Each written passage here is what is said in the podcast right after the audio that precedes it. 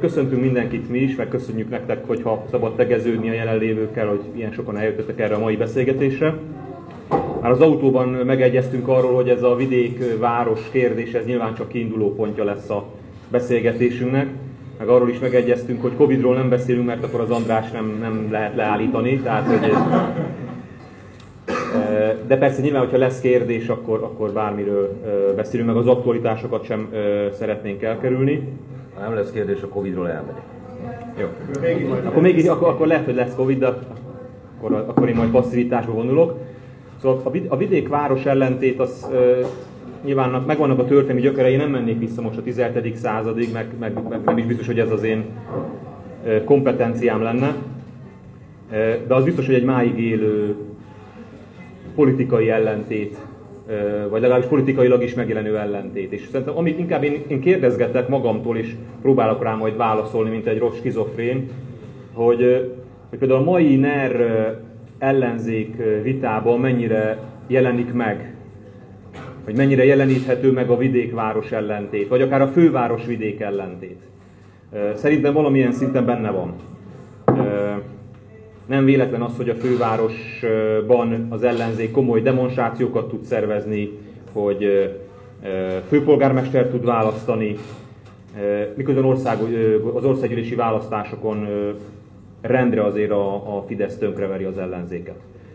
De nyilván ez egy nagyon, nagyon nagy leegyszerűsítés a, a kérések, és ez az András meg biztos vitatni is fogja. Egyébként annyit tudni kell róluk, hogy ő fővárosi, én vidéki származású vagyok. Tehát, hogyha mondjuk a, a, a vita hogy mondjam, választóvonalát valahogy el kéne helyezni, akkor nekem kellene a vidék mellett érvelnem, de én nem tudok, mert a egyetemi éveim 97-6-ban kezdődtek, és onnantól kezdve én Budapesten élek. Tehát, hogy picit ilyen sehonnaivá váltam, mert vidéken már nem érzem magam vidékinek, a fővárosban meg soha nem fogom magam fővárosinak érezni. Tehát a kettő között úgy beszorultam, és mindenhol otthon is vagyok, meg, meg, meg egyik helyen sem igazából. Tehát ez a, ez a pozíció, amiben én vagyok most, ez szerintem engem alkalmassá tesz arra, hogy, hogy kellő, kellő függetlenséggel, meg neutralitással, semlegességgel nézzem a vidéket és nézzem a várost. És én azt látom, hogy az a fajta leegyszerűsítése, és most itt az ellenzék szemszögéről beszélek, először. Az a fajta leegyszerűsítése a vidékváros ellentétnek, hogy a városban élnek az okosak és a vidéken meg a bunkók, és ezért nyer mindig a Fidesz, ez egy nagyon hibás leegyszerűsítés. Mint hogy az is hibás leegyszerűsítés a kormánypártoknak, meg a NER-nek, hogy a városban élnek ezek a liberálisok, akik már elveszítették a nemzeti gyökereiket, bezzeg vidéken meg az igaz magyar embereknek a, a az életereje van. Tehát, hogy én, én mind a kettőben vannak igazság magvak, és úgy összességében mind a kettő szerintem egy óriási tévedés. És hát nyilván belemegyek mélyebben, hogy szerintem miért, de, de most így bevezetésképpen én ennyit mondtam volna vitaindítónak. Ja, akkor ezt ja, igen. így ide rakja magam elé? Aha. Akkor én is üdvözlök még egyszer mindenkit. Mit mondtál Gábor, hogy sehonnai vagy? Hát azért nem akarom ezt megismételni, mert hogy ez valaki... Novák, Novák előttnek is pontosan ez a véleménye rólad. A, és egyébként, hogy az általad felvázolt karaktert valamelyest oldjam, hogy te ugye gyöngyösi vagy, amennyiben gyöngyös vidéknek lehet tekinteni, egy nagyobb kőhajításra van Budapestől. És az egyetemi éveidet pedig Budapesten élted, én a jogi kart Pécset végeztem. Tehát van, van másfajta szocializációm neked már amennyiben szocializációnak tekinthető. Azt tett hozzá, hogy hogy végezted a Pécs Egyetemen a... Kiválóan, kiválóan. úgy nem az, hogy csak hogy, amit nekem az autóban mondtál. Kiváló, tehát alapvetően egyébként úgy, hogy csak vizsgai időszakban tettem szeretemet Pécset, viszont minden vizsga után berúgtam, tehát azt lehetett. Az jó.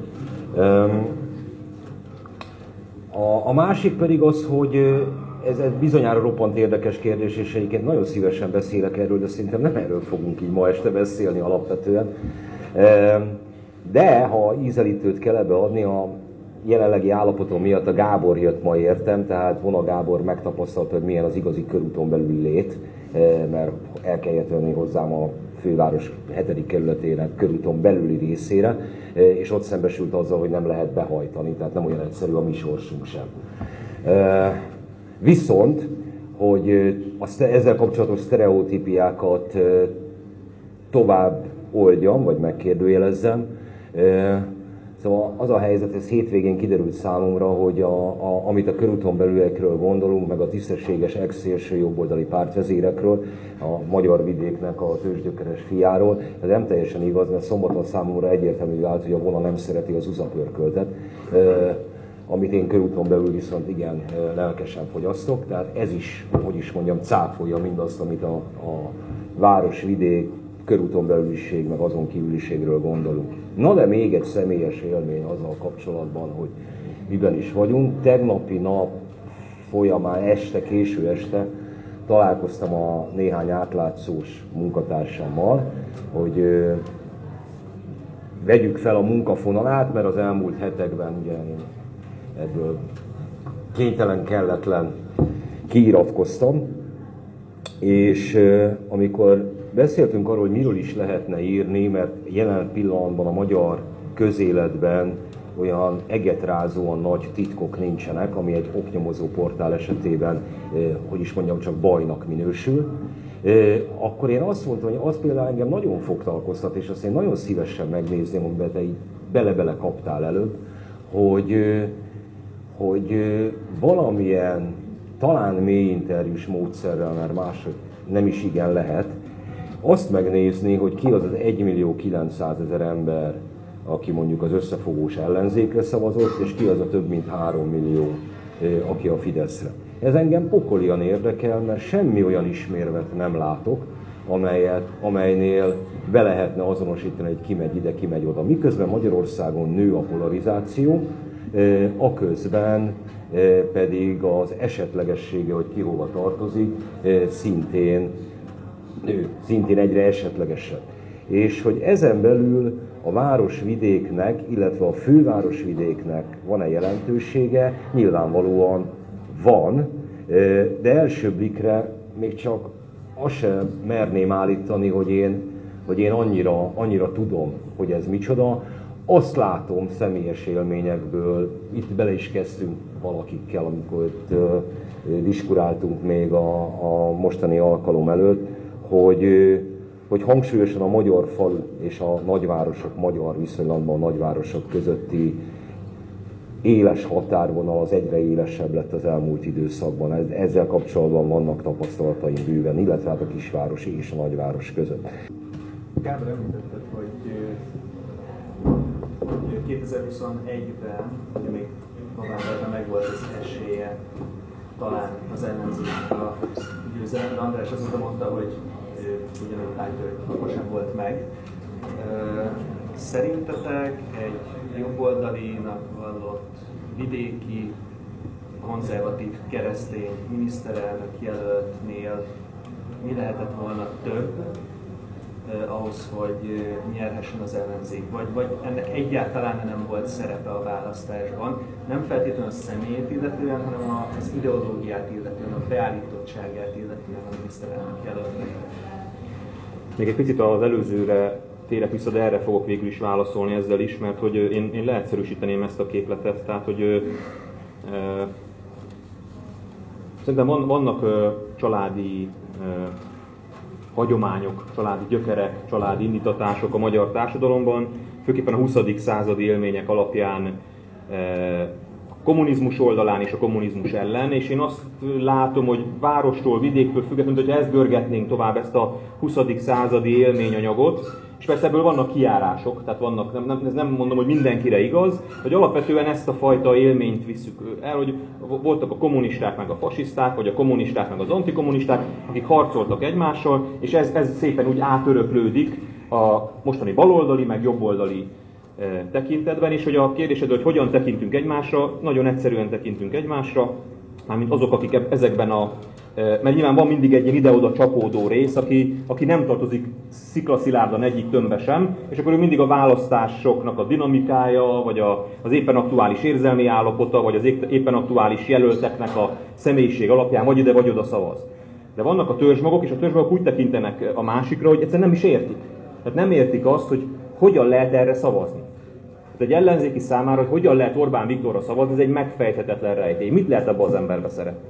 Hogy áll rajta a nadrág, ugye? És akkor meg, meg, meg, meg minden szétlop. Értitek? Tehát, hogy számára teljesen értelmezhetetlen, ergo, aki Orbán Viktorra szavaz, az hülye. És a másik oldalon pedig ugyanez van aki, ugy, ugyanez van Pepitába, tehát hogy a, a, az értékrendek, meg a, az ideológiai hagyományok, meg a különféle programok, ezek csak ilyen másodlagos szerepet játszanak abban, hogy ebben a csiki-csuki játékban, ami, amiben egyébként most már Orbán, nem is Orbán Gyurcsány párharc van, hanem igazából Orbán Viktor maradt egyedül, és a, a kép az nagyjából úgy van, hogy van Orbán Viktor, és aki meg nem szereti Orbán Viktor. Tehát ez egy ilyen nagyon egyszerű, ilyen Pepsi-Coca párharcá silányodott. Ennek meg, ebbe bele gyömöszölődik ebben a nagyon egyszerű helyzetbe egyébként az egész 20. századunk, tehát nem akarom ezt még egyszer mondom kivenni, de most már egy ilyen nagyon egyszerű kérdés, szeretem Orbán Viktort, vagy nem szeretem. Még azt is belevenném ebbe egyébként, hogy aki már sokszor szavazott Orbán Viktorra, és azért van sok olyan magyar ember, aki sokszor szavazott már Orbán Viktorra, neki már egyszerűen a kognitív diszonancia szempontjából is nehéz volna nem Orbán Viktorra szavazni. Tehát van, egy, van egyfajta megszokás is ebben. Tehát azért az egyik legnehezebb dolog az ember életében az, hogy belássa, hogy hülyeséget csinált, vagy hülyeséget gondolt, vagy nem volt igaza. És az, az pedig a legnehezebb sokak számára, hogy beismerik, hogy nem, nem volt helyes Orbán Viktorra szavazni, vagy éppen nem volt helyes az ellenzékre szavazni. Most itt én egyik oldal mellett sem beszélek, csak próbálom lélektanilag ezt megérteni. Tehát kialakult ez az egész, és Orbán Viktor képezi ebben most már, tehát már Gyurcsány Ferenc is igazából csak ilyen Orbán Viktor által felfújt politikai ö, lufi. Most egy picit dramatizálom, mert ezzel együtt is jó a legerősebb az ellenzéken, szervezetileg, kampánytechnikákban, mindenben. De lényegében Orbán Viktorhoz való viszony irányítja a magyar politikát, és nem a vidék, meg nem a, nem a, a, nem a város. És hogy hogy jön ide, csak és akkor egy mondat András Istenem megkapod a, a szót, hogy, hogy úgy jön ide, hogy szerintem hibás volt az az elképzelés, hogy Orbán Viktor csak egy jobboldali, tehát hogy Ugye az volt Márkizaj Péternek a stratégiája, ha jól értettem, nem biztos, hogy jól értettem, hogy az ellenzéki szavazók azok már úgyis nem szavaznak, ők annyira utálják Orbán Viktort, hogy nekik már nem kell külön üzenetet küldenem. Nekem igazából Orbán Viktorabbnak kell lennem egy picit Orbán Viktornál, vagy, vagy, vagy legalábbis azokat, meg kell nyugtatnom a, jobb, a kiábrándult fideszeseket. Csak szerintem nem ez volt a versenynek a kérdése, és a háború a, a háborúnak kitörés ezt még inkább kielezte, talán az András igazolni fog, hogy én mindig ezt mondtam az ötben is, a választások, pedig akkor még kanyarban nem volt a háború, mindig azt mondtam, és most is ezt mondom, hogy a választási kampány felé közeledve a kérdés az enyében kompetencia küzdelemmé válik. Kiről hiszed el, hogy az országot tudja irányítani? És nem véletlen, hogy a Fidesz minden egyes választáson az éppen aktuális ellenfeleinek a plakát, ellenfeleit a plakátokon bohóccal illusztrálja hogy aki, aki mögött ott áll a bohóc, az biztos nem tud egy országot irányítani. És nem Márkizai Péter azt a hibát követte el, hogy ő lényegében még bohócot sem kellett egy idő után ö, fölfesteni a plakátra a mögé, mert annyi, annyira sokszor vitte bele magát vétetetlen szituációkba, hogy bár a Fidesz az első pillanatban megijedt, hogy jött, jött, nem számítottak már Kizaj Péterre, le volt fagyva a Fidesz pár napig. Ugye Orbán Viktor leszalad gyorsan sütni egy halat Lázár Jánoshoz, hogy információkat gyűjtsön Hódmezővásárhelyről. Aztán látták, hogy igazából nem kell csinálni semmit, csak meg kell mutatni már Zaj Péternek a kampányát. Aztán ez volt a hiba. Tehát e, e, nem az, hogy most jobboldali vagy baloldali, egyszerűen kompetenciát kellett volna tudnia sugároznia, csak ezt nem tudta, és egyébként hozzáteszem, hogy nem is egyszerű. Tehát, hogy ez nem, nem az, hogy Márkizai Péter mennyire rossz volt, egyszerűen az is volt egyébként szerintem, de hogy, de hogy nem is nagyon-nagyon nehéz, mert nyilván egy olyan média hengerrel áll szembe az ember erről, nyilván én tudok, vannak emlékeim, hogy a legapróbb kis mondatodat, tehát amit itt most utaltál erre a sehonnaira, hogy nyilván ezt egy választási kampányban mondom, akkor nyilván az másnak már a, a, az összes Fidesz médiában benne lehet, hogy Vona Gábor még önmagát is sehonnainak tartja, most hogyan lehet egy ilyen emberre szavazni? Köszönöm. Na jó, nagyjából akkor, akkor eljutottunk oda, amit szerettem volna, és akkor elnézést azért a diffúz kezdetét, de körülbelül ez, amit feszegetsz, hogy a, ha nem értem a másikat, nem értem a másik cselekedetét, az hülye. E, és szerintem a, a megértésnek van e, elsősorban itt az ideje, és nyilvánvalóan azt a hivatalos politikától soha nem lehet várni, mert soha nem a megértésben utazik, hanem alapvetően a manipulációban. E, és hogy mondjuk ilyen beszélgetéseknek vagy csomó másiknak a funkciója az lehet, hogy bizonyos élethelyzeteket, bizonyos döntéseket megértsünk. Ebben egyébként van városvidék vagy falu város szerep, és egyébként Orbán Viktor működésében is van valami olyasmi, ami, amiben ébrezgeti ezt, de szerintem eleve tévedés, az egész mellémenés, ez a keresztény, konzervatív, jobboldali, nemzeti, stb. felszólás. Ez nem igaz öndefinícióként sem, és nem igaz vádként sem. A Fidesz kormányzása sok minden, csak nem egy jobboldali konzervatív kormányzás, eleve egy konzervatív kormányzás ritkán szokott forradalommal kezdődni, még a szavazófülkék forradalmával sem. E, aztán milyen, milyen olyan fontolva haladás van, amelyik hatszor, vagy hétszer, vagy nyolcszor módosítja a saját alkotmányát. E, de mindegyik felsorolt jelző mehetünk ilyen módon végig a kereszténytől a nemzetin át bármelyiken, és ez egyébként igaz az ellenfeleire is, amit ők képzelnek arról, hogy jobboldali. A, a Orbánban, és ebben az Orbánnak egyébként a, a kicsikét mondva csinált vidéki létének ebben szerepe van. Azért mondva csinált vidéki léte, mert, mert hogy ezt egyébként kevesen tudják, hogy ugye jön a legkisebb királyfi, először alcsút dobozról, aztán felcsútról. De ugye az Orbán édesapja, tudja valaki, hogy hol született? Budapesten. Szóval, hogy ez, ez egy más, másmilyen család, tehát hogyha már sehonnan ízunk egy kicsikét, én nem mondtam ilyet a miniszterelnökről, szóval ez a gyökér nélküliség, tehát hogy ez a kategóriák közöttiség, ez inkább jellemző rá, de ettől függetlenül erre, a, amit ő ott összeszeret, ezzel ő él, ő személyesen átélhetővé teszi a saját történetét. Meséli, mint ahogy a fonóban mesélték. Ehhez valamilyen módon lehet viszonyulni. Ez szerintem egyébként a, a, az újítás. És ugyebár ezek az ízes, ilyen műtájszólásos kiszólásai is mind-mind-mind ebbe, ebbe illeszkednek, gondolom én.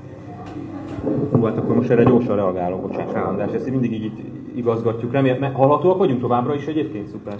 Mert hogy én szer, igen, játszik ezen a húron, tehát hogy Orbán Viktornak a kommunikációjában ez a vidéki gyerek, aki disznólat is ö, ö, kitisztította, meg, meg nehéz gyerekkora volt. Na várjál, olyat még nem láttam. Olyat, hogy égetett malacot, olyat már láttam, de disznólat tisztított. Pedig ezt mondta valamelyik interjúban, de mindegy, akkor lehet, hogy csak égette, nem tudom.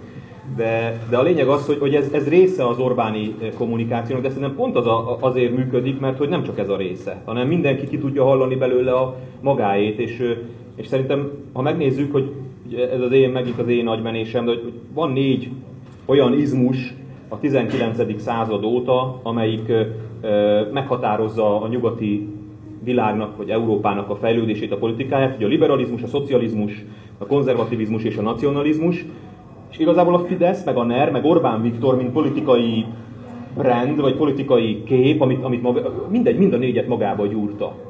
Tehát még jelen állapotában is vannak szerintem, akik ö, valamiféle liberális, ö, de, de a kezeteknél ugye mindenképpen liberális élményt élnek át Orbán Viktortól, tény, hogy ez egyre, egyre kisebb.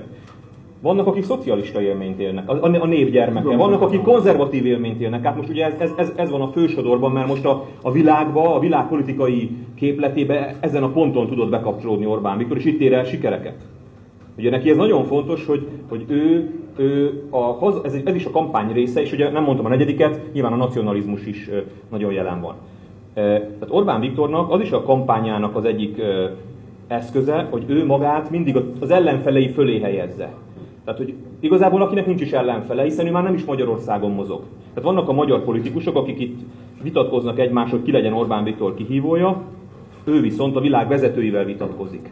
Tehát ő már kiemelte magát ebből a színből, és neki jelen pillanatban ez a konzervatív, új jobboldali image, ami a legjobban segíti ezt a munkát. Ez, e, Amerikában ott tapsolják, meg örülnek neki, meg gratulál neki Trump, tehát ez egy kifeje, kifejezetten sikeres lehetőség neki arra, hogy ezt a nemzetközi sikeres, az Orbán képlet, ugye már, már így, így beszélünk az Orbán képlet, az el legyen itthon adva, és akkor ha valaki már nemzetközileg is, és, és nem itt, itt, a, itt a választói, vagy mondjam, értékelés viszont egyszerű, nem fognak utána járni ilyen mélységekig, mint amit most itt próbálunk elemezni az emberek. Látják azt, hogy az Orbán Viktor külföldön tárgyal, a Márkizai Pétert meg nem fogadják Erdélybe sem. És akkor innentől kezdve azt érzik, hogy ahogy visszatérek akkor a feladóhoz, nem tudja kormányozni az országot. Tudom már, mire akartam még reagálni, amit előbb mondtál, amikor az, hogy megvannak azért a, a különböző családi élmények, és az alapján meghozott döntések, politikai döntések is, tehát a választás. És hogy ez ugye kirajzolva, kirajzolt valamilyen térképet. És azt látom, hogy ez a múlté. Tehát, hogy, hogy új, új térképeket kell készíteni. Azok a vörös helyek, például a Temegyi Heves, vagy Komárom-Esztergom, azok, azok már nem azok. De hát akkor mondok közelebbi példát hogy azt most, hogy Uránvároshoz szavazott, azt nem néztem meg, de ugye Pécs 2-t elbukta az ellenzék, és ez ugye az kellett, hogy egy olyan körzetben, amely Komlót magában foglaljon, kikapjon a Fidesztől Komlón, ahol ugye még 2010-ig volt MSZP-s polgármester. Azt mondjuk, hogy Komló éppen ezért nem zárta a szívébe az MSZP-t, a hátra köve, lévő évtizedeiben vagy évszázadaiban, azt megértem, mert ugye hozzá kötődik a bánya bezárása, de mindegy. De az, hogy a szakácsot nem fog nyerni, azt, azt ugye alapvetően nem gondolta senki. És eh, mint ahogy egyébként, ha visszatérünk is, ez valószínűleg más, mint nem főváros, vidék, eh, falu, eh, város ellentét, mert ugyanez zajlott le Budapest pesti külső panél karéjában. Tehát, hogy a Havanna lakótelepen kikapott az ellenzék. Először tudott nyerni a Fidesz. Az, az súlyosabb hely, mint, mint mint, mint egy-két olyan, mely, melyik az itt a Pécsi elátkozott ház, ahol ez a, na, szóval annál is. És ott, ott először nyert most a Fidesz. Tessék?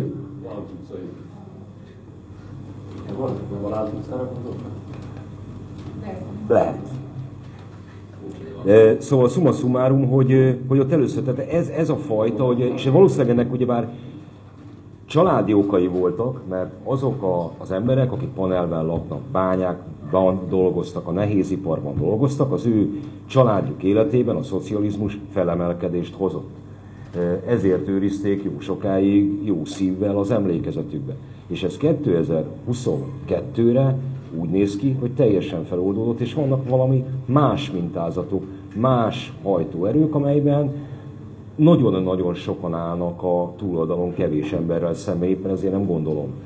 Már csak ezért sem gondolom azt, hogy bármiféle ellenzéki alternatívának komoly esélye lett volna a, a, a teljes kiszámíthatatlanságon túlmenően. Tehát ha jön a krach, senki nem ért semmit, lehet, hogy ennek a bolondnak van még igaza, bármelyiknek. Tehát ha egy ilyen szituáció nincsen, akkor, akkor szerintem ez egy reménytelen, vagy nem ezen múló vállalkozás.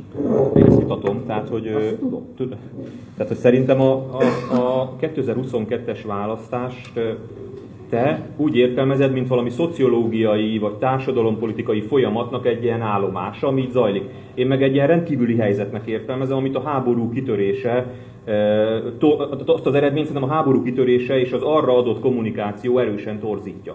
Tehát én abból, én abból nem biztos, hogy annyi mindent kiolvasnék András, mint amit te. Tehát szerintem, hogyha az ellenzék a háborús kommunikációt sikeresebben tudta volna vinni, akkor, akkor valószínűleg jobb eredményt tudott volna e, e, ezeken a, a helyek. Látom már, sikerült, sikerült, jó a helyes. Én azt gondolom, hogy amikor az a kérdés válik döntővé, hogy meghalunk vagy életben maradunk, tehát a, a legmélyebb egzisztenciális dráma válik élhető, vagy átélhetővé, akkor tényleg akkor megint most önmagamat fogom ismételni, a kompetenciát fogod, fogod keresni. És ezt kíméletlenül használta ki. Amit ugye a Partizánban Márkizaj Péter válaszolt Ujás Marcinak a kérdésére, amire egyébként, hogyha nagyon-nagyon korrektek és kívülállók akarunk lenni, bizonyos értelemben igaza volt, hiszen azt mondta, hogy hát végülis NATO tagok vagyunk, mit tudunk tenni, hát hogyha a NATO támad, mi is támadunk. Csak ilyen, nem ez volt a kérdés, ugye, abban a szituációban, mert nem volt NATO támadás.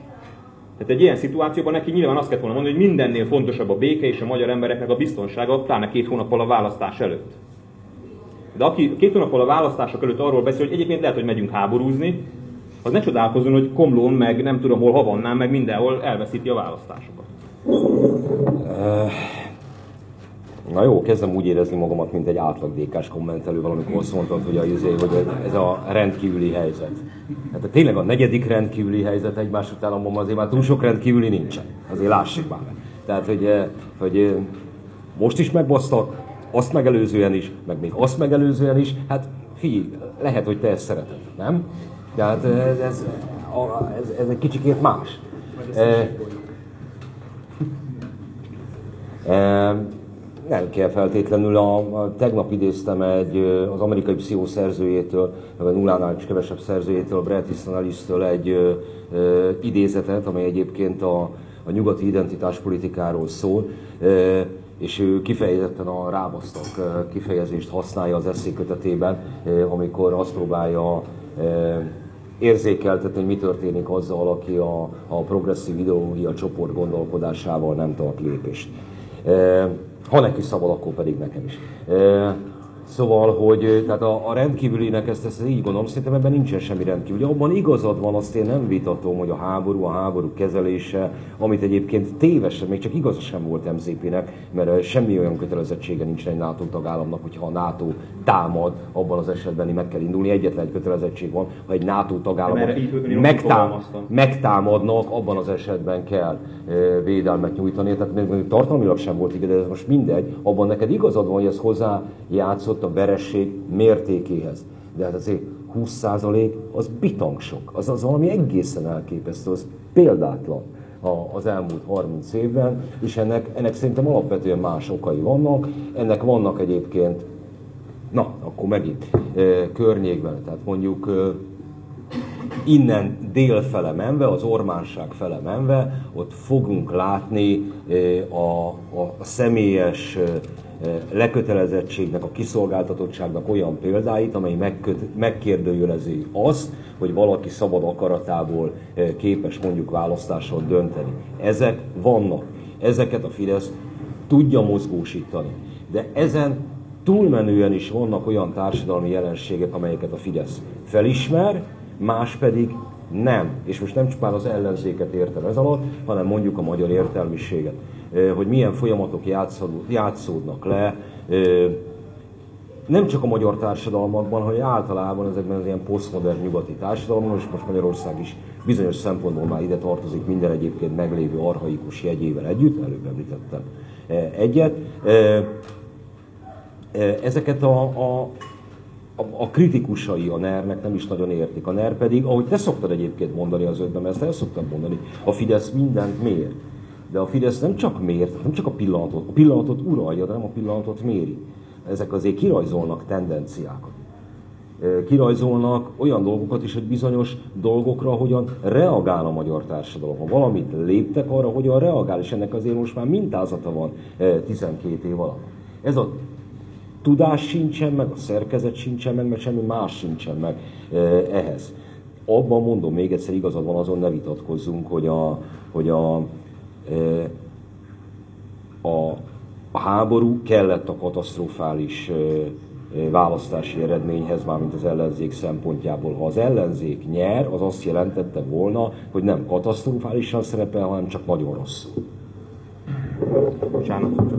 Tehát András, hát amit most mondtál, azon kívül, hogy káromkodtál, a próbáltad egy olvasmány élménnyel menteni a helyzetet, azon, azon, azon kívül az, azt, írod, azt írod alá, amit én mondtam. Tehát, hogy, hogy, hogy kampány, kampány technikai vagy kampány stratégiai ered, hibák, vagy éppen pozitívumok vezettek egyik vagy másik oldalnak az eredményéhez. Én, én azt, azt, azzal nem értettem amikor te azt mondod, hogy, hogy itt valami új nem, még az, egyébként egyet is értek vele, hogy igen, kellenének új narratívák, de hogy itt nem az új narratívák alakultak ki, nincsenek a magyar társadalomban új narratívák. Egyszerűen az a, az a mozgó közeg, amelyik nem tartozik egyik táborhoz sem, az most úgy, ahogy van egészében, oda csapódott a Fideszhez 2022-ben, és persze, abban totál igazad van, hogy amikor már negyedik kétharmadát szerzi a, a Fidesz, akkor, akkor ez, ezzel nem kell annyira meglepődni. Én azért azt mondom, hogy azt azért mindenképpen elemezzük, hogy a negyedike lett neki a legerősebb egy háborús helyzetben. Tehát, hogy én csak erre hívnám fel a figyelmet, hogy összefog az ellenzék,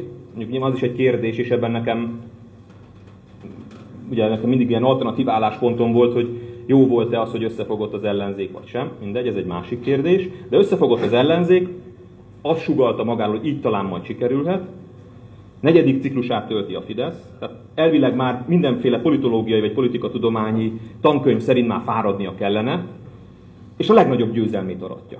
Jó, akkor, akkor tisztázzuk ezt a, ezt, a, ezt a kérdést. Tehát te azt állítod, hogy Magyarországon több párti demokrácia van. Ezt, Mikor állítottam? Hát most itt előbb, mert ha a Fidesz le lehet győzni párt alapú választáson, akkor több párti demokrácia van. Én nekem két állításom van ezzel kapcsolatban. Szerintem Magyarország nem több párti demokrácia. A másik pedig az, ami velem személy félreértésekre szokott adni, nem vagyok róla meggyőződve, hogy ez feltétlenül baj jelen helyzetben. Bármennyire hihetetlen. Volt egy idő, amikor ez nyomasztott engem is, mint annyi más, aki közélettel foglalkozik, hogy Magyarországon a többpárti demokrácia felszámolódott és valami más lépett a helyébe nem vagyok arról meggyőződve, ugye Covid, eh, hogy ez azért minden, minden szituációban eh, problémát okoz, mert, mert szerintem Magyarország nagyon sok szempontból nem azért, mert zsenik irányítják, hanem már olyan helyzetbe került a magyar hatalom, eh, hogy, hogy ilyen laborál, ténylegesen laborál, nem Ausztria a mi laborállamunk, hanem nagyon sok mindenben Magyarország laborállama lehet annak, amilyen folyamatok, tendenciák a világban ma zajlanak. 2018 után én voltam az, aki kijelentettem egyébként a teljes ellenzéki tábor gyűlölet cunamiának kellős közepén utána, a lemondásom után, hogy nem lehet leváltani a NERT de választási De akkor most miért érte az ellen? Azért, ö, ö, mindjárt elmondom neked, mert akkor is azt mondtam, hogy a NERT a világ fogja leváltani. Egyszerűen ö, be kell látni, egy, engedjétek meg, vagy engedjenek meg egy nagyon rövid kis történelmi kitérőt, ezt mindig el szoktam mondani, csak szerintem fontos, hogy önmagunk, majd mármint a magyarság önmaga iránti képével kapcsolatban ezért realitásokat látni. Mi nem váltottunk 500 éve rendszert. 1526 óta nekünk nem sikerült rendszert váltani, amikor megpróbáltuk ugye háromszor, akkor levertek bennünket. Amúgy meg, amikor aztán a rendszerváltások bekövetkeztek, akkor mindig valaki más segített ki bennünket. Tehát a törököt nem mi üztük ki, hanem csak ugye a török kiűzése, itt tanuljuk a, a, az iskolákban, részt vettünk benne, derekasan küldöttek a magyar ö, katonák, nem vitatom, de a Habsburgok űzték és meg is lett neki az ára, jött a Habsburg felhatóság. Önmagában már a magyar királyság nem volt képes a töröktől megszabadulni. A Habsburgoktól nem mi szabadultunk meg, hanem az első világháború szabadított meg bennünket.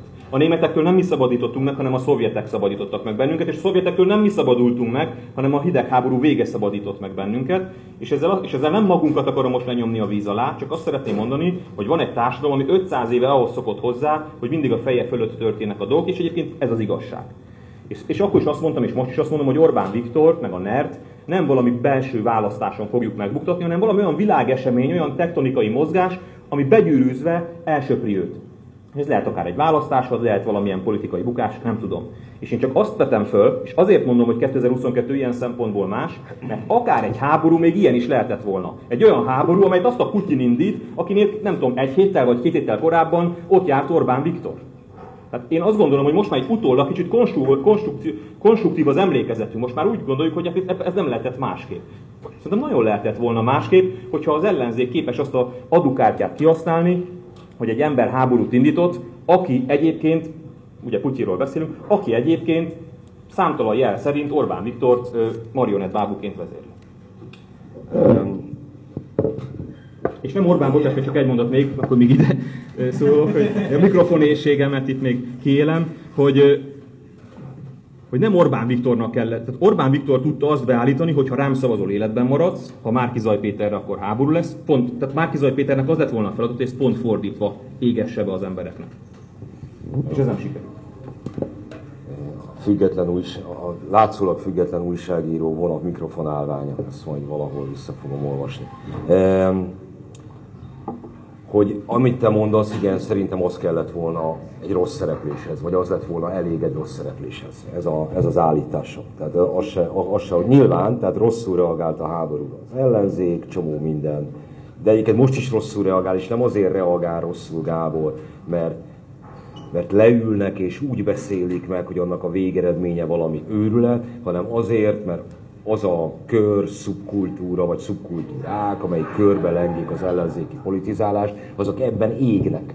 Azok csak ilyen eredményt tudnak magukból kiízítani. Tehát nézd, nézd azt meg, tehát ők tényleg úgy gondolták, hogy akkor most a nyugat elindította a támadását, hogy Putyin megtámadta Ukrajnát, akkor most nyugat fogja, és azonnal be kell vonulni most már szuronyokkal Moszkva alá, és ott leszünk. Az összes fényes tekintetű magyar értelmiségi, aki kellően utálta az Orbán rendszer, az mindebben éget. Ha az ő vágyaikat akarja valaki kielégíteni, akkor, akkor, akkor az így jár. De ha nem az ő vágyaikat elégíti ki, abban az esetben is mondom még egyszer, szerintem ez egy rossz szereplésre lett volna elegendő. Szerintem pedig a 18-as vonagábornak igaza van, csak ettől függetlenül még van egy csomó minden megfejteni való, megérteni való, elgondolkodni való, ha már egyszer mondjuk bizonyos dolgokat nem lehet elérni az országban. Ez az első számú feladat. Nem azért alakult így a NER, mert, mert jött valaki család módon kívülről is rá oktrojálta a magyarokra ezt a berendezkedést, hanem azért, mert nagyon sok tekintetben a magyarok így akarják. Ez a magyarok egy jelentős részének jó. Jó. Meg majd lehet, hogy lassan majd kérdezhetnek a, nem tudom, hogy időben hogy állunk, csak hogy itt most, itt most a, ahhoz a pontjához érkeztünk a beszélgetésnek, akkor egyetértek veled. Tehát, hogy eddig is voltak ilyen apró kis morzsák, de, de, de, de most, de most száz százalékig. Tehát, hogy ha, ha NERT meg akarjuk fejteni, és célszerű általában, hogyha valakit le akar az ember győzni, gondolom, akkor az úgy tud sikerülni, hogyha megismeri az ellenfelét, kiismeri az ellenfelét, és az ellenzék, és most ebben magamat is, meg a, meg a korábbiakat is ugyanúgy belesorolom, tehát nem akarom csak a 22-es ellenzéket idehozni, ezt a munkát nem végezte el megfelelően.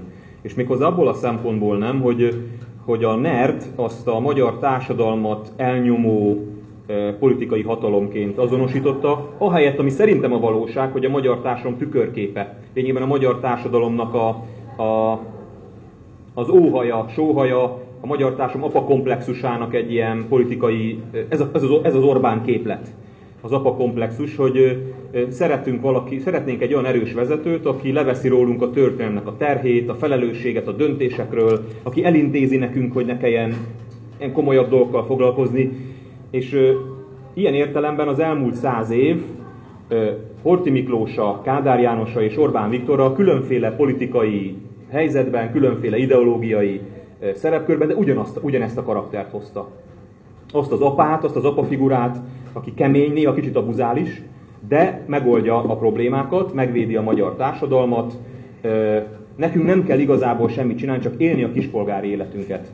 Néha kell szavazni, jó helyre lehetőség szerint, mert nem szól szám, nem fáj fejem, ugye, ez, ez is a, a magyar e, politikai mentalitásnak egy ilyen eszenciája, hogy ez az egyik legismertebb mondásunk, hogy nem szól szám, nem fáj fejem, ugye ez a mi polgárosodásunknak a, a lényegében a konklúziója. E, és, és szerintem e, ez, ez a NER, ezt ismerte föl a NER, és abban nagyon-nagyon igazad van András, hogy gondolkodni kell ezen, hogy mit lehet ezzel kezdeni, mert szerintem nem az a feladat most, közéletileg, és akkor majd beszéljünk feladatokról is, ne csak elemezgessünk. Nem az a feladat, hogyan lehet leváltani a NERT, hanem hogy hogyan lehet a társadalomban bizonyos gondolati sémákat megváltoztatni, ami borzalmasan nehéz, meg szinte már az idealizmusnak a ne továbbja. De, de ha nem tudunk ezen változtatni, ha ez marad a magyar társam karaktere, lehet, hogy persze tévedek, és annyira szeretném, hogy tévedjek, hogy nem ez a magyar társam szerepe, a magyar társam nem egy apa figurát fog akarni, de ha ez, a, ez az igazság, akkor ha Orbán Viktor valamilyen véletlen folytán leváltjuk, vagy leváltja a világ, vagy, vagy, vagy, vagy lemond, vagy megbukik, vagy bármi, akkor rövid kis intermezzó után, mindig vannak ilyen kis intermezzók egyébként, a másik világháború után is volt pár év, aztán 89 után is volt pár év, megint jön majd valaki, aki levonja ugyanezeket a konzekvenciákat, és ugyanezt megcsinálja, amit Orbán Viktor. Csak az éppen aktuális politikai helyzetben. Mert Orbán Viktorról szokták mondani, és utolsó mondat, hogy a kádái nosztalgiára, meg a kádári kisemberre épít, és majd jön Orbán Viktor után valaki, aki meg az Orbáni kisemberre fog építeni. Nem vagy a nagy emberre. Tudom, mit akartam még helyre billenteni egy kicsikét. Szerintem a te előbb felvázolt nagyívű ilyen történelem szemléletet. Mert hogy ezért ez, ez nem teljesen így van. Kihagytad azokat a pontokat, amikor ha nem is a magyar társadalom, mert ugye jó darabig a magyar társadalmat nem kérdezték arról, hogy miként akar élni, legalábbis a közélettel foglalkozó vékony réteget, többször azért rendszerváltott. Ilyen volt 48, ami egy önerős rendszerváltás volt, ilyen volt bizonyos szempontból 1918 is, még akkor is egy vesztes világháború után volt, és ilyen volt 1956 is. Tehát amit te mondasz, az erőteljes apafigura, meg ami kialakul, meg az állam mindig üzemelje, az legalább azért, legalább köszönhető annyiban annak a ténynek, hogy amikor saját elhatározásból és saját erőből az ország változást ért el a saját struktúráit illetően, annak mind rossz vége lett. Az mind elbukott, leverték, felakasztották, ez a vége. De hogy itt, itt nem, ez, ez a fátum, ez nem azért van, mert az mi alkatunk milyen, hanem mert így alakult a sorsunk. Azt alakult, érted, aki hozzányúl a tűzhöz, megégeti magát, az nem akar többet a parázsban nyúlkálni. Hát igazából ezt, ezt, ezt ilyen módon megtanultuk, ez egyik. A másik, ez egyébként köze van megint városhoz és faluhoz, hogy a, ez ugye, amit a Bibó ír az eltorzult magyar alkotban, amit nagyjából visszavezet arra a e, zsákutcás magyar történelem, hogy, hogy amikor elveszti a gentry a földjét, mi történik, hogy elveszti a nemesség a földjét, mi történik akkor rétegjön a gentry és még több más társadalmi réteg, azóta a magyar társadalom legnagyobb rétegei az államtól függnek. A honoráció értelmiség, a beszállító vállalkozó és az igen kiterjedt közigazgatásnak közalkalmazotti szféra. 89-et is úgy kellett 89-95 is úgy kellett végigzongorázni, hogy jó, jó, jó, itt rendszer van váltva, na de azért közben az állam zavartalanul üzemeljen. Tehát az átalakítás alatt a, a, az árusítás zavartalanul üzemel. Körülbelül ez volt mindig. Mert, mert, mert oly mértékig csimpaszkodik a, a, a társadalom többsége valamilyen módon az államba. Szerintem ennek is van inkább oka, mint, mint, mint valamiféle erős apafigurának és eznek a hatalmi helyzetnek, hogyha ezt valaki tényleg uralni fogja először, mert 90 és 2010 között azért ez megkérdőjelezhető, akkor, akkor ebben a szerepben tud ebben az országban élni. Vagy ezzel a szereppel ebben az országban tud élni. Ha leülünk az ünnepi asztalhoz, nagy család, távoli rokonság... Én zuzapörköltet teszem a volna meg nem. Ez egyértelmű. Viszont ugye lehet látni, hogy családon belül is akár teljesen szétleltünk aprózódva közéleti szempontból. Olyan szinten, hogy akár szól a nagymama, hogy légy szíves fiam, ne hozd fel azt, hogy te vele szimpatizálsz, szól a nagypapának, hogy te se, mert csak abból vita lesz. Ebből a szekértáborból, baraktáborból, hogy gyakorlatilag családon belül sem lehet minden esetben értelmes párbeszédet folytatni közéleti dolgokról. Ebből Magyarországon, a magyar társadalomnak van-e kiútja? Tudunk erről majd normálisan úgy beszélni a különböző beállítottságainkról, hogy az asztal másik felén ülő a harmadik gondolat menetében már a felmenőinket szítja. Vagy ebből, ebből nincsen hát, Szerintem ez a jóslás kategória hogy most megmondom, hogy van-e kiút belőle, vagy sem. meg. De nem tudom megmondani, mert ez ugye már tőlünk függ, de ez a feladat itt nekem viszont megint egy olyan pont jön, amire a Gáborral, Gáborral egyet fogunk érteni, és aztán van még egy azért egy olyan pont, amikor a magyarok maguktól rendszert váltottak, Gábor.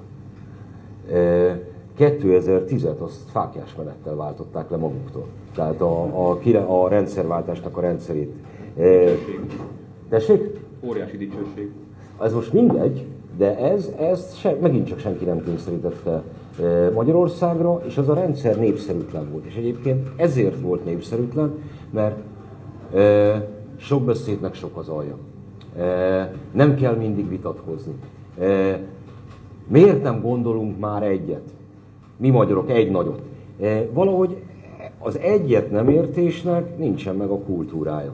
Hogy miért, azt én megint csak találgatni tudok, vannak tipjeim, de azért volt eh, népszerűtlen a 90 és 2010 közötti felállás, mert a, mert a, a magyarok valahogy a vitával, a diskurzussal nem tudnak mit kezdeni, egyik oldalon sem.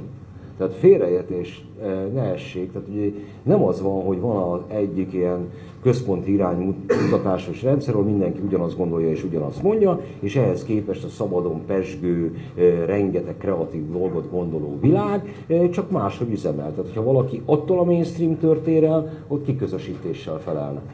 A kettő világ meg most már nem is érintkezik egymással. Na, de szóval szuma szumárum leváltották 2010-ben egyfajta rendszert, és többek között azért, amit te mondasz, mert hogy nem szeretik a vitatkozást, nem szeretik a valaminek a akár szenvedélyes megbeszélését, mert hogy ennek nincsen meg a kultúrája. Igen, az rajtunk múlik, hogy lesz-e fogalmak sincsen. Tényleg jóslásokban nem tudok bocsátkozni.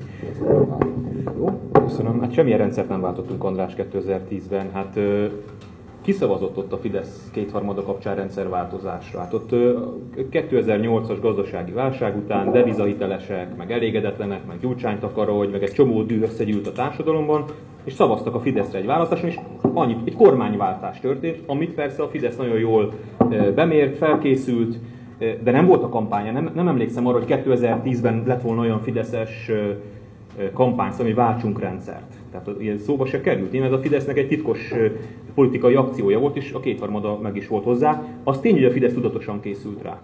Ez nem a magyar társadalom, András, ez nem a magyar társadalom volt, ez a Fidesznek volt a politikai manipuláció, aztán majd folytatom a... Aztán meglep, meglepetést azért Gábor ugyebár nem okozott meg, ugyebár volt egy 17%-os párt még a Fidesz mellett, amelyik viszont nyíltabban beszélt a rendszerváltásról. Tehát, hogyha megyünk, hát de nem nyerte meg a választást. Oké, okay, rendben, csak az a helyzet, hogy a Fidesz meg a Jobbikot már együtt veszik, akkor az azért már a régi rendszernek, az emblematikus figurinának a lesöprése, és egyébként még az LMP-t is ide vehetjük, amelyik ugye már a, a, a magyar demokrácia megújításáért lépett színe, és effektív effektíve intézményi változásokat is most ez, ez azért rendszerváltásnak tekinthető kb. olyannak, mint a, mint a 90-es években az olasz ahol egy formálisan ugye maradt a több pártrendszer kereteiben, csak az egész korábbi pártrendszert elsöpörték, korábbi logikát elsöpörtek, mindent.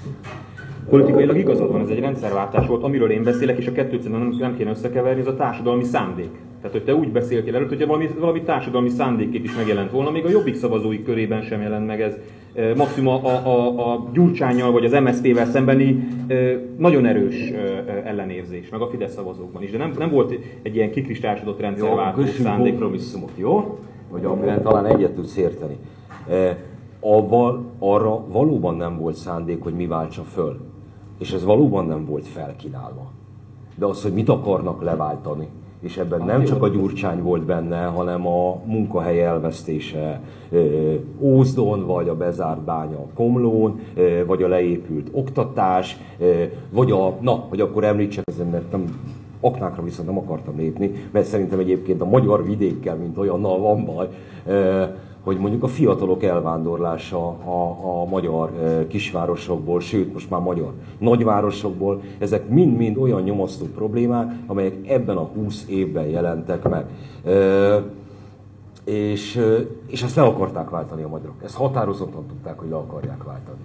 Nem értek ezzel egyet, de elfogadom a kompromisszum ajánlatot, hogy haladjunk, mert hogy még a, a kérdésre is válaszolni akarok, hogy miért van az, hogy egyébként, ugye, mert is önmagammal is, önmagammal is ellenmondásba keveredek, hogyha azt mondom, hogy 20. századi traumák uralják a politikát, akkor olyannak, amiről te beszéltél, Krisztián, nem lenne szabad megtörténnie, hiszen van az adott család, aki hozza magával a maga 20. századi traumáit, sérelmeit egyik vagy másik oldalról. Ennek a családnak egyet kéne értenie az asztalnál, hogy hová szavazunk, hogy még sincs így. Hát ar- ar- arra szerintem generációs élmények, meg ilyen különféle szituációk lehetnek magyarázatul. Tehát, hogy vannak, van egy 2006-os élménye is egy generációnak, akkor van most is egy élménye egy, egy fiatal generációnak a politikáról, ami lehet, hogy nem érzi magát teljesen önazonosnak az ellenzéki pártokkal, sőt, még itt finoman is fogalmaztam, de az, hogy Orbán Viktorral szembe helyezkedik, az, az egyre inkább generációs élmény most a fiatalok tekintetében. Tehát ez azért leszivárog a családi asztalra. És mondanék még egy dolgot, ha kialakulnak ellentétek, az a helyzet, hogy Magyarországon a politika olyan szinten leuralt, és ez egyébként lehet, hogy világjelenség is, és nem csak magyar jelenség, de nálunk szerintem nagyon jellemző, hogy lényegében vallási kérdésé vált. Tehát, hogy, hogy a, a nagyit nem lehet lebeszélni a vallásáról. Tehát amikor a nagyit megpróbálja valaki lebeszélni Gyurcsány Ferencről vagy Orbán Viktorról, akkor nem egy politikai választásról igyekszik őt lebeszélni, hanem az üdvözülésről. Tehát, hogy ö, most itt viccelődve mondom, de tényleg. Tehát, hogy szerintem annyi, tehát, hogy ö, ők a, és ezért nem szabad, ezt tiszteletbe kell amennyire lehet tartani, nyilván nagyon föl tudja bosszantani az ember, de hogy az ő számukra az adott politikai közösségben való részvétel ad értelmet az életüknek. És ha valaki ezt elveszi tőlük, akkor lényegében egy légüres térbe löki őket, ahol nem marad szinte semmi. Ami, ami a mai, már ilyen posztmodernezünk, így a 21. századi posztmodern világban valami olyan érzetet tudna neki sugalni, hogy ő valami fontosban részt vesz, valami fontos folyamatnak a része. Akkor visszatoljuk a nagyit egy ilyen tévénézőnek. aki nézi a betelefonálós műsorokat. De ha a Nagyi, a DK-nak az egyik szimpatizánsa, aki még kommentelhet is, alád is, alám is, akkor ő, akkor ő, akkor ő már részt, vett, részt vesz egy, egy nagy apokaliptikus küzdelemben, és, és, és valami olyat él át, amire az, mindannyiunknak szüksége van. Tehát az embernek szerintem szüksége van valamiféle transzcendenciára. Most tudom, hogy ez egy furán hangzik, arra, hogy többnek érezze magát, mint hús és vér, és sajnos Magyarországon a politika kínálja erre a leggyakoribb ö, ö, apropót, hogy az ember úgy érezze, hogy valami testen túli élménye van. Hát most, hogy ez pont Gyurcsány Ferencnek, Orbán Viktor, ez, ez van. Beszélj a saját kommentelőidről, mert én azért gondosabban bánok a, a sajátjaimmal, mint. Nálam ezt egy percig tudja megtenni. A, hogy... Mégis kertészkedsz. Ja, hogy Szerintem igazad van abban, amit most utólag elmondtál. A családot azt egy kicsikét árnyalnám, mert ugye már vannak vegyes családok, tehát senkinek nem egy története van a családban. Nagyon vicces, Déva alatt van egy kis falu, ott is bukovénai székelyek élnek. Azért mondom, hogy ott is meg Akasnál jöttünk át, és ott, ott, ott, ott beszéltünk a Makovec templomról, és akkor Gábor megjegyezte, hogy svábok vannak, mint hogy bukovénai székelyek, és de mit tudom, ez most megint előjön ez a téma. De Déva alatt van egy kis falu, és bukovénai székelyek élnek benne a román faluban. És kérdezem a nénét, akinél aludtam, hogy mikor nem is járnak át, egyetlen egy utcában laknak magyarok. Bukovinai székelyek. Nem is járnak át? Mondja, nem. Nem is tartják a kapcsolatot? Nem. Nem barátkoznak? Nem. És mondom, vegyes házasságok sincsenek? Ja, de azok vannak. Szóval az, hogy lehet, hogy nem érintkezik a család haverkodás szintjén, de, igen, de az az hát, tehát ugye a családokba azért bekerülnek mindenhonnan. Ettől függetlenül a generációs kérdésben is van igazságod, ugye a fiatalok azért általában szeretnek lázadni, ez egy alapélmény, megpróbálom magamat meghatározni a hatalommal szemben, hol vannak fiatalok, a nagyvárosban vannak fiatalok, egyre kevesebb fiatal van falu és kisvárosban, hozzáteszem, ezt is a demokrácia hozta el, tehát az a hely, eh, ahol legalább pénteken, szombaton nem lehet hajnalig felmaradni, ott a munka lehetőségen túl, ami a legfontosabb szempont, a második legfontosabb szempont az, hogy ha nem tud hova elmenni szórakozni, akkor előbb-utóbb nem lesz fiatal. És ugye az átlag igényre jött az átlag rendpárti csendőr, egyébként javarészt vagy szocialista, vagy kisgazda polgármester, elérte, a fiatalok teljes vidékekről mentek el, kisvárosokból is, nem csak falvakból, e, és aztán kiderült, hogy egy idő után megmaradnak a középgenerációk, akik meg inkább megalkoztak a hatalommal. Ez például, ha már valami ilyesmit ide lehet vonni, utána lehet ezen e, nem túl cizellált szociológiai megfejtésemért anyázni. Na de, a a vallás, politika, mint vallás tematikában annyira igazad van, hogy én erre mondtam azt, hogy, hogy Magyarország laborállam. Tehát szerintem ezt az Orbán előbb ismerte fel, notabene még nálámnál is előbb, hogy ez, ez, a, ez a fajta új világ, ez, ez, egy, ez, ez a hitviták kora ismételten, és, és hogy a, a, a politika az profétáknak a szerepe nem közigazgatás élén álló embereké, a proféta meg beszélhet össze-vissza, tehát nem kell annak feltétlenül koherensnek lenni. Ez úgy, ez úgy benne van, de körülbelül igen, ez van, hogy a, a ma a modern társadalomban élő embereknek identitást elsősorban a politikai állásfoglalásuk kölcsönöz, és csak másodszorban minden más. Mert hát hiszen például ugyanúgy nézünk ki Los Angeles-től Kisinyovig. Nem igen lehet megkülönböztetni. Igen. Utolsó kérdés, aztán a jelenlévők is kérdezhetnek. Szerintetek Orbán Viktort nem lehet leváltani, vagy a NERT? Ez a kettő nem választható el egymást. Annyira összefügg, akkor a... Igen. Ez ugye a, a magyar középkorászoknak, mert ugye az, hogy magyar középkor az mi volt, az, az egy ilyen, izé, az egy ilyen örök vita. Mert hogy ugye nem volt klasszikus hűbérilág, nem volt klasszikus feudalizmus. És akkor mindennel próbálkoznak, és az egyik ilyen megfejtés a személyhez kötött királyság, hogy ez a magyar rendszer. Ez körülbelül egy, egy kvázi ilyen rendszer. Ne, ne, nincsen olyan szereplő a NER-ben, akit a NER derékhada el tud úgy fogadni, hogy üzemeltetni is tudja ezt a, ezt a struktúrát. ez csak egy mondat, hogy nemrég jelent meg a Boston Politics, nem tudom, hogy, hogy fordították magyarra, hogy valaki tudja. Ez egy bosztoni polgármesternek a politikai gyakorlatáról szól. Most, ha fejen állok, se fog eszembe jutni a szerzője.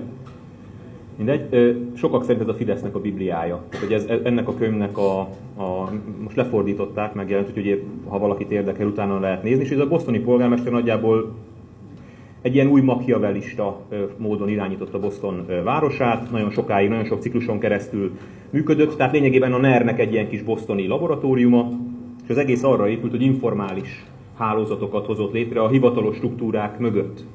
Hiszen a NER is erre épült. Tehát, hogy a NER nem csupán a struktúrák, meg a kétharmados törvények, hanem Orbán Viktornak a különféle kis emberi kapcsolódásai, játszmái, viszonyulásai, különféle imádatai, tehát Orbán Viktor csak egy mondat végül is, hogy Orbán Viktor nélkül nincs NER. Nagyon pont tud lenni. Hát annyira nem, de... De legalább iszunk. Valaki szeretne kérdést megfogalmaz, vagy feltenni, akkor a mikrofont oda is adom. Lehet, hogy halljuk is. Bár próbáljuk meg hallani, jó? Kettő kérdésem lenne. Az első az, hogy uh, ugye a vidék az nem mindig volt kizárólag a Fidesznek a terep, ugye volt a kisgazdapárt, volt az MSZP, aztán volt a Jobbik is, hogy lehet egy, uh, egy másik párt, aki tud versenyszállni a fidesz a vidéken. Ez egyik kérdés. A másik pedig az, hogy ugye ez a vidékváros ellentét, vagy ez a, ez a urbánus népi ellentét, ez ugye a kassainak, a kassaiasnak a szóhasználatával tud-e kooperálni, hogy lehetséges egyáltalán ilyen, mert ugye már több mint egy évtizede a nerben élünk, és tudjuk, hogy ez a rendszer nem kooperációképes annyira a többi szereplővel, de azért ne felejtsük, hogy előtt sem volt az a balliberális rendszer részéről, tehát amikor a MDF-re mondták, hogy hull a barna eső, vagy a taxis blokkád, tehát ott se volt kooperáció, hogy lehetséges egyáltalán az, hogy a felszín, vagy a felszín és a altar ember azt tud kooperálni. Köszönöm. Hát az ügyben hadd ne én adjak tanácsot ki a vidéknek, milyen politikai képviselete lehet, mert ez kb. olyan lenne, mint a Tordján József lenne a kis gazdapárt elnöke. A... Szerintem egyébként baj, hogy nincsen önálló vidékpárt ma Magyarországon. Szóval amikor volt független, független, független kisgazdapárt, az annyiban jobb helyzet volt, hogy, a, hogy a, a, az érdek konfliktus az a felszínen volt. Tehát, hogy meg kellett velük küzdeni. És szerintem ez mondjuk egyébként egy létező magyar hagyomány, nem véletlenül alakult így. Tehát én legalábbis a válaszom az, hogy én örülnék neki, ha lenne. A, a kooperációról egy kicsikét más gondolok. Szerintem a NER kooperatív csak ilyen fáziskészéssel. E, tehát ha valaki nagyon akar valamit, azt eléri, akkor NER hátralép, és azt mondja, jó, akkor vigyed. Nem akarunk vasárnapi boltzárat. Jó, hát akkor nem lesz. Tehát, jó, oké.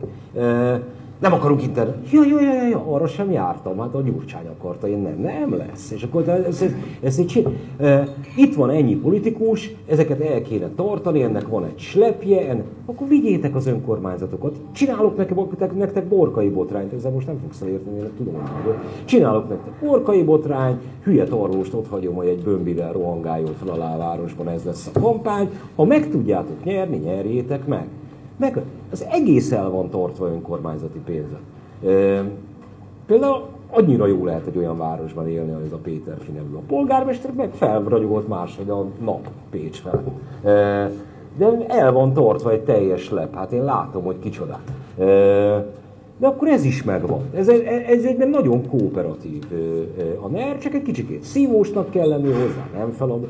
Jaj, hát a, hogy miben élünk. A múlt hét vasárnap nézegettem az M1-et. Amióta izé le, le, lerobbantam, ilyen hihetetlen új élmények értesültek, vagy értek. Tudom, hogy mi van a közszolgálati tévében, és tudom, hogy mi van a kereskedelmi tévében. Ez a, ez a tudás nem volt nekem feltétlenül meg az elmúlt időszakban. Szóval nézegettem az M1-et, és a híradó, tudod mivel ért véget? De ilyen több percnyivel? Nádas Péterre. Úgyhogy elmentek a mester szülőházához. Bevágták. Mondom, mi van? És Vasalbertel mi van? Mi történt? Mert eljutottunk az élet kádárizmusban, Nádas most már izé, a nagy író, de néztem akkor. Gyakorlatilag újra le fogják folytatni a 2011-es filozófus pert ellenkező szereplőkkel. Szerető Szabolcs már amúgy is az ellenzéknél van, aki csinálta az egész botrányt. Ez, ez ilyen. A, a, nagyon sokáig a Magyar Szocialista Párt volt a magyar politika barbapopája. Ez a mindent kör, ez a hop, mi, mi volt az? Hip, hip, hip, hop, hip, hip, hip, barba és akkor így. Izé. Na most a, most a Fidesz az. Tulajdonképpen egy ilyen alakváltó, permanens alakváltó. Akkor mi barbapapát néztük, hogy jelenlévők nagy része még nem is ért szerintem, de mindegy. A ezért volt ilyen csend. Sokat nem veszítettek. Nem tudom, hogy ennek mi a Jó. aktuális megfelelője, bizonyára. Oké. Okay. Az első kérdésre én azt gondolom, hogy amíg a NER létezik, addig nem nincs esély arra, hogy a vidéken komolyan megszorítsák, mert hogy azért ez adja a fő bázisát. Tehát most már olyan szinten kiépítette maga a struktúráit, hogy szerintem nagyon nehéz alternatívát, tehát egy vidéki, különösen mezőgazdasági, agrár gyökerű alternatívát építeni, a ner szemben. Ezeket a pozíciókat nagyon határozottan őrzi, és a, a legkisebb ilyen jellegű mozgást azt atombombával sem akarok ilyen rossz, rossz módon aktuális lenni torolná meg. De nyilván azzal meg maximálisan egyetértek az Andrásról, hogy szükség meg, meg, meg volna rá, meg jót tenne a magyar, az általad nem létezőnek tartott magyar párdemokráciának. A, a, a párbeszédet illetően én azt gondolom, hogy Mit illetően? Mit illetően? Nem a pártra Ja, nem, nem a pártra gondoltam. Arról, arról, arról, arról nincs igazából véleményem, hanem a, akkor, akkor mi volt a kifejezés, amit használtál? A kooperáció? Kooperáció. Kooperáció.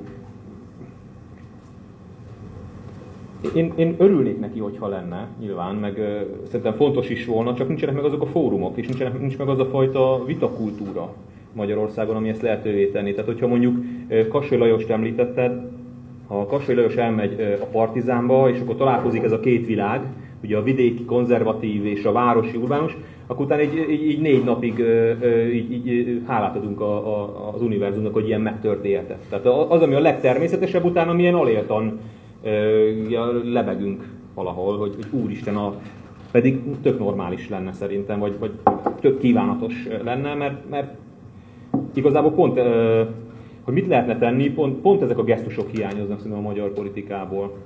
Hogy nem, nem merünk gesztusokat tenni, és ebben én nem szeretem így kifejezetten Orbán Viktort ö, személyében vádolni, mert ahogy én ugye azt mondom, hogy a magyar társadalom tükörképét gyártotta le önmagában. Tehát ő összerakta magát, mint egy mozaikot a magyar társadalomból. De alapvetően van egy karakterjegye, ez pedig a nem tudok a gázpedáról lelépni. Nincs gesztus. Tehát, hogy, és amit te mondtál, András, azok, azok, azok szerintem, én abban meg nem értek egyet veled. Tehát, hogy azok a visszalépések, hogy jó-jó, akkor nem lesz vasárnap, meg jó-jó, akkor internetadó, nem lesz. Ezek ilyen taktikai visszavonulások, ilyen, ilyen, ilyen kis ö, ö, játszmázások, és stratégiai ö, visszavonulásokat a Fidesz nem, nem, nem képes tenni. Ugye ott a, ha nem tetszik, akkor megépítjük bicskéig. Ott ez szerintem a, a, a lényegi mondat. Ez, ez fejezi ki Orbán Viktornak a lélektanát. Ha valami nem tetszik, akkor nem, hogy egyszer fogom elverni rajta, hanem kétszer vagy háromszor. Az önkormányzati választás azt meg szerintem túlértékelett, tehát az már nekem egy konteó, hogy, hogy itt a Fidesz így 19-ben odadobta az önkormányzatokat a, a, a, az ellenzéknek. Azt, azt a választást a Fidesz elengedte. De hogy Szerintem azért nincsen igazad azzal kapcsolatban, amit a Fideszről és a kooperációról mondtam, mert a Fidesz legnagyobb hibája az, hogy nincsen stratégiája. Egyáltalán nincsen. Tehát igazából nincsen miből. A pillanat uralása van, meg az van, hogy bíznak abban, hogy az Orbán jó vezető. Ezt most ne vitassuk meg, én tudok mind a pro és kontra érveket hozni ezzel kapcsolatban, de nincsen olyan stratégia, ami, ami, ami, ami, ami, ami mellől el kéne lépni. Ergo, hogy mit képzelsz az országról, az azért nagyban múlik azon is, hogy te mit akarsz csinálni. Én eh, kevéssé a gesztusokban hiszek. Tehát valóban az Orbán ilyen nyílt színi gesztusokat nem hajlandó tenni. Például Európai Ügyészséghez, erről beszéltünk legutóbb is, nyilvánvalóan azért nem csatlakozunk, mert már kimondta, semmit nem jelentene, ez, ez gesztus hiány. De a gyakorlatban ő, ő, ő nem ez az izé, hihetetlen kemény befeszítek, dehogy is.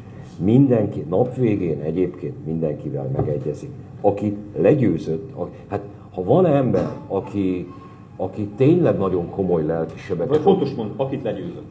Igen, de Ott még az azzal is. De nem, tudom, milyen, mert, milyen nagy ember, nem, mert legyőzt és akkor megegyezik. de nem, mert ezt tudja, hogy pacifikálni kell. Ez egy nagyon fontos tulajdonság, és pont nem olyannak, amit képzelünk. Tehát, hogyha van olyan ember, aki, aki komoly lelki sebeket okozott a fideszeseknek, ez Fodor Gábor. Tehát, hogyha van, amit ő tényleg árulásként élt meg a Fidesz, akkor ez. Oké, de András, mekkora fenyegetés jelent Fodor Gáboron erre? De Simicska Lajos jelent, és Simicska Lajos sem a semmibe vonult ezek után vissza, hanem, hanem nem a semmibe.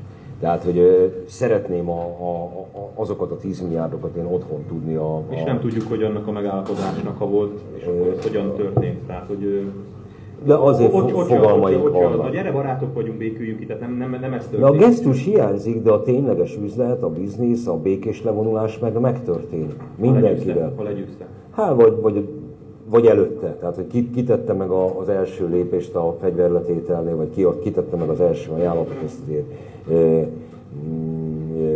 soha nem tudjuk biztosan. No de, a gesztusoknál menjünk egy kicsikét tovább. Szóval valóban nem gesztus ember az Orbán, és te azt mondod, hogy gesztusok hiányoznak úgy alapvetően a társadalomból. Én ezzel módjával értek csak egyet. Hiányoznak gesztusok is, de alapvetően szerintem intézmények hiányoznak. Tehát a polgári társadalomnak intézménye hiányok, például hangsúlyosan mondjuk vidéken, vidék alap nem Pécset értve. Ott, ahol nincsenek helyek, ahol össze lehet jönni a családi asztalon kívül, és egyet nem érteni, ott, ott, ott, ott nem lesz terepe a, az élet normális megbeszélésének, hova tovább az élet tervezésének sem. Hogy ez így alakult, ez se teljesen véletlen, és ez is megfejthető, és ennek is történelmi gyökerei vannak, de, de szerintem nagyon-nagyon sok intézmény hiányzik a magyar társadalomból, a politikán kívül. Csak egy mondatot tegyek ehhez hozzá, hogy ez nem az, tehát ugye a gesztusokhoz, hogy mi történne akkor, ez csak egy hipotetikus kísérlet, gondolatkísérlet. Orbán Viktor azt mondta volna a múlt héten, akár Kossuth Rádióban, vagy nem tudom, hogy hol volt éppen a múlt héten, hogy itt egy túlkapás történt a pedagógusokkal, és nagyon bízik benne, hogy sikerül megegyezni a pedagógusok visszahelyezéséről a, a gimnáziumba. Mi történt volna? Szerintem, csak, csak Válaszoltam, azt hittem, hogy felteszed a kérdést. de szerettem volna magam megválaszolni. De mindjárt kezdettek láttam volna az időt, hogy erre válaszoljak, akkor az történt volna, hogy Noár nem lép fel a színpadon, és ez a nernek rossz lett volna. Ergo mindent meg kellett csinálni, Noár lépjen fel a színpadon. Hát ennyi. Ö, Szerintem ö, egyszerűen azért nem történt meg, miközben politikailag szerintem ez hozott volna Orbán Viktornak. Tehát, hogyha a- ez a fajta úgymond gyengeség, ez inkább erősséget mutatott volna, aki képes rendszer korrekciókra, és kép- képes egy ilyen helyzetben átlátni, hogy mi a helyes és a helytelen, de nem ezt tette egyszerűen azért, mert összezavarná a rendszert. Tehát, ö, ebben a rendszerben a gesztus, ő, ő sugárzik le. Tehát ugye a NER az úgy épül, hogy van Orbán Viktor, a második vonalban vannak a kisebb Orbán Viktorok, a harmadikban a még kisebb Orbán Viktor, és aztán így végül a legkisebb Orbán Viktorokig eljutunk helyben. Ez a, ez a modernkori hűbéri láncot hiányoltad, egy ilyen, egy ilyen lelki hűbéri láncot, lényegében átveszi a magyar társadalom Orbán Viktor gesztusait, és ott ez a tankerületi vezető, ez lényegében azt gondolta, hogy ő Orbán Viktor lesz. Szerintem meg ez nem így. És, és, és nem teheti meg Orbán, összezavarná a rendszert, hogy akkor most már nem szabad lépnem, mert mit fog gondolni a főnök. Mind, igen, meg kell lépni, mert a főnök örülni fog. És akkor te is örülsz, mert Noár föllép. Nem, én, én nem örülök, tehát nem eh, vagyok a, hogy a, a audiovizuális eh, környezetszennyezésnek ennyire nagy híve. Eh, De hogy szerintem nincsen igazad, és tudok mondani ellenpéldát, hogy eh, az a CEU tüntetés, eh, ahol, aminek az értelme csak és kizárólag akkor volt, amikor minden hivatalos program véget ért. És volt egy csomó fiatal ember Budapesten. És teljesen egyértelműen jogellenes cselekedeteket csináltak. És a rendszernek pontosan azért, mert az egy kényes szituáció volt szemben a mostanival, volt annyi esze, hogy nem lép fel karhatalommal, mondjuk 2006-tal szemben. Ez a gesztus, Le- nem verjük szét a gyerekeket. Ez nem le, elő lehetett volna őket állítani, nem szétveréssel is, de hogy, hogy ott azért leállították úgy többször, sőt, menetrendszerűen már hétvégéről hétvégére visszatérően a forgalmat, hogy ez például nem volt feltétlenül egy népszerű dolog.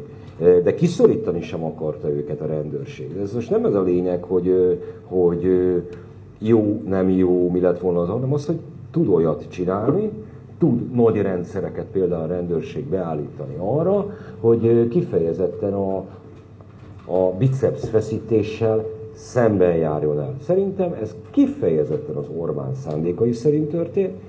Én, én, én, még, a, én még a hangját is hallom, hogy buruzsolja, hogy engedjenek szabadutat a törvényes eljárásnak, mert, mert így lehetett most megerősíteni azt a nem tudom, miként jellemezzem ezt a, ezt a népi együttest, amelyik gyakorlatilag ilyen vándorcirkuszként jár körbe 2010-es évek eleje óta. Most ez kellett hozzá. 2019-ben az önkormányzatok egy része most egy komplet megszorító csomag igazából nem volt elegendő az, hogy az ellenzék, vagy az ellenzéknek ezek a levitézett figurái újra arrogánsak, nagyképűek legyenek, és azt gondolják, hogy ők állnak a nép pártján. A mostani diáktüntetések, amelyek egyébként körülbelül 50 intézményt érintenek a 6000-ből, az abban résztvevőknek azt az élményt hozzák el, hogy ők állnak az igazság, a nép és a többség pártján. Legalábbis a kommunikációjuk ez. És szerintem a szándék is volt, hogy ez végre újra ez legyen kevés időnk van már, viszont még egy kérdés bele tud. Igen. Szervusztok, hogyha már tegeződünk, Dániel vagyok, és hogy András részéről felvetült az, hogy ugye a kormányzatnak a pillanat uralása a cél, és Gábor mondta azt, hogy a kormányzat pontosan, hogy a Fidesz egyesíti azt a négy izmust, tehát hogy mindent próbál magának is eltítani, és az a kérdésem, hogy hogy tényleg totálisan elragadta el mostani vezetést a hübrisz, vagy van remény esetleg arra, hogy ugye nagyon be van harangozva mindenhol 2030-ig nagy világpolitikai átalakulások lesznek, és az érdekelne, hogy ahhoz a nagy átalakuláshoz képest a mi jelenlegi berendezkedésünk az alkalmas arra, hogy túléljünk és megálljuk a helyünket a politikában, a nemzetközi életben, hogy ahogy nemrég Viktor fogalmazott, hogy nettó befizetők leszünk és hogy, tehát, hogy a pillanatudolása a cél, és nincs terv, nincs stratégia, vagy, vagy, vagy és a Fidesz szavazók megnyugtatására is, hogy, hogy tényleg valami felett, valami felett tartunk, és hogy Orbán Viktor valóban egy látnok, vagy csak azért látjuk látnoknak, mert, mert Dajstom is ájázik. És ez, ez a kérdésem.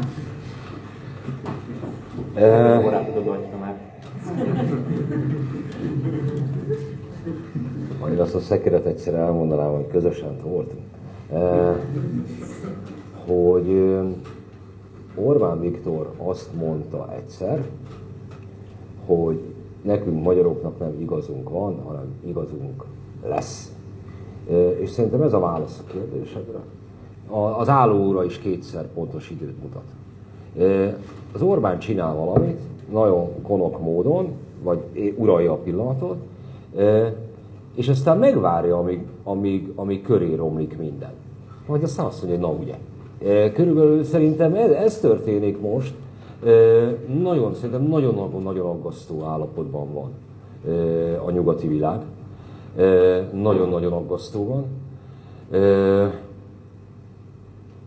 Néha azt gondolom, hogy a világgal sokkal több probléma van, mint Orbán Viktoron.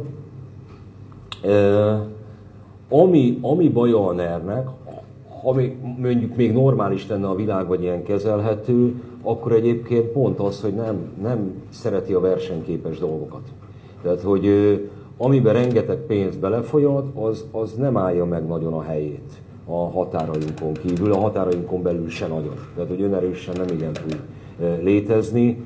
Alapvetően egy versenyellenes szisztéma. Egyes egyedül a, a brancson belüli versengést bírja elviselni, ami a, a, a kegyekért folyik.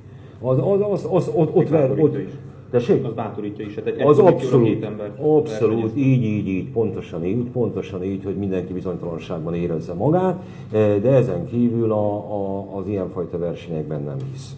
Ez, ez baj, ez, ez alapvetően problémája, de hogy mennyire nincsen stratégia, tudok azért idézni a mondatokat. Magyarország újraiparosítása mikor hangzott el e, utoljára? Szerintem vagy olyan 5-6 éve. Úgyhogy egyébként 5 évig mantra volt. Akkor hirtelen nem kell újraiparosítani? Vagy mi van? Most ilyeneket azért tudok még mondani, ami egy darabig ilyen kitűzött cél volt, aztán elfelejtjük. Persze, a, a, izé a, a meghosszabbítjuk bicskéig van, de ez a, ez a lipsiknek a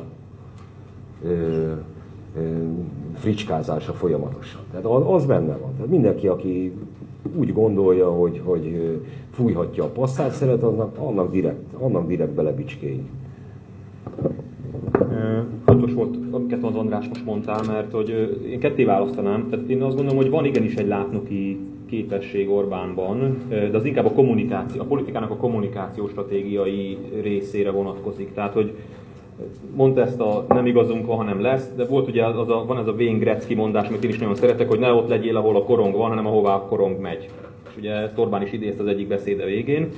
És ő ugye megkeresi azokat a topikokat, azokat a témákat, azokat a kommunikációs elemeket, és a migráció is ilyen volt részben, meg még sok minden, amik, amik meg ilyen a multikulturalizmus elleni küzdelme is, amik begyűrűznek, és ebbe igazad van, hogy bevárja őket. De pontosan abban is én úgy látom stratégiai gondolkodás a Fidesz részéről, és tényleg ezen, amiket mondta, hogy ilyen teljesen adhok ilyen fellángolás. Ugye majdnem volt egy zöld fordulata is a Fidesznek, arra nem tudom ki emlékszik, hogy volt egy zöld kongresszusa a Fidesznek, ahol arról beszélt Orbán Viktor, aztán jött, talán jött a Covid a kedvenc témád, és akkor elsöpörte ezt a nagy zöld fordulatot ahelyett, hogy megerősítette volna, na mindegy. Tehát pont azokon a területeken, oktatásban, és tudom, hogy ezek már könyökünkön jönnek ki, meg már én is unom magam, amikor ezekről beszélek, de oktatásban, stratégiai ágazatok kijelölésében, akár versenyképességben, ilyenekben meg nincs, nincs, nincs stratégiája a Fidesznek. Tehát tényleg, mondom. Hát azt mondom, azért mondtam, hogy fontos dolgokat. Tehát most a végére ne, ne, ne, ne, ne, ne sértődj meg, hogyha megdicsérlek, hogy, hogy fontos dolgokat mondtál. Ami viszont, amit még hozzátennék, és ez nem feltétlenül jó hír, de, de valamilyen aktivitásra talán sarkal bennünket, vagy valakit, hogy, hogy Orbán, tehát jelen pillanatban Orbán Viktoron Orbán Viktor készül a NER megszűnésére, és az a, az a probléma ezzel, hogy egyedül ő készül erre.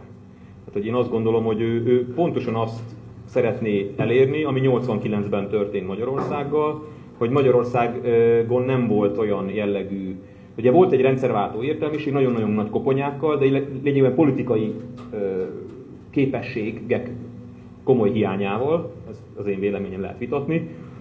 E, Orbán Viktor arra készül, hogy e, ha majd a NER bukik ilyen vagy olyan módon, e, mert előbb-utóbb meg fog bukni, ezt ő is tudja, akkor ő át tudja menteni ezt a hatalmat. Akár a saját maga számára, akár a, a családja, vagy a, vagy a, a politikai szövetségesei számára. Tehát én maga biztos vagyok, hogy ő erre készül. És amit én például az ellenzéke, meg úgy általában a, a neren kívüli világon igazán szeretek számon kérni, hogy erre nekünk is készül.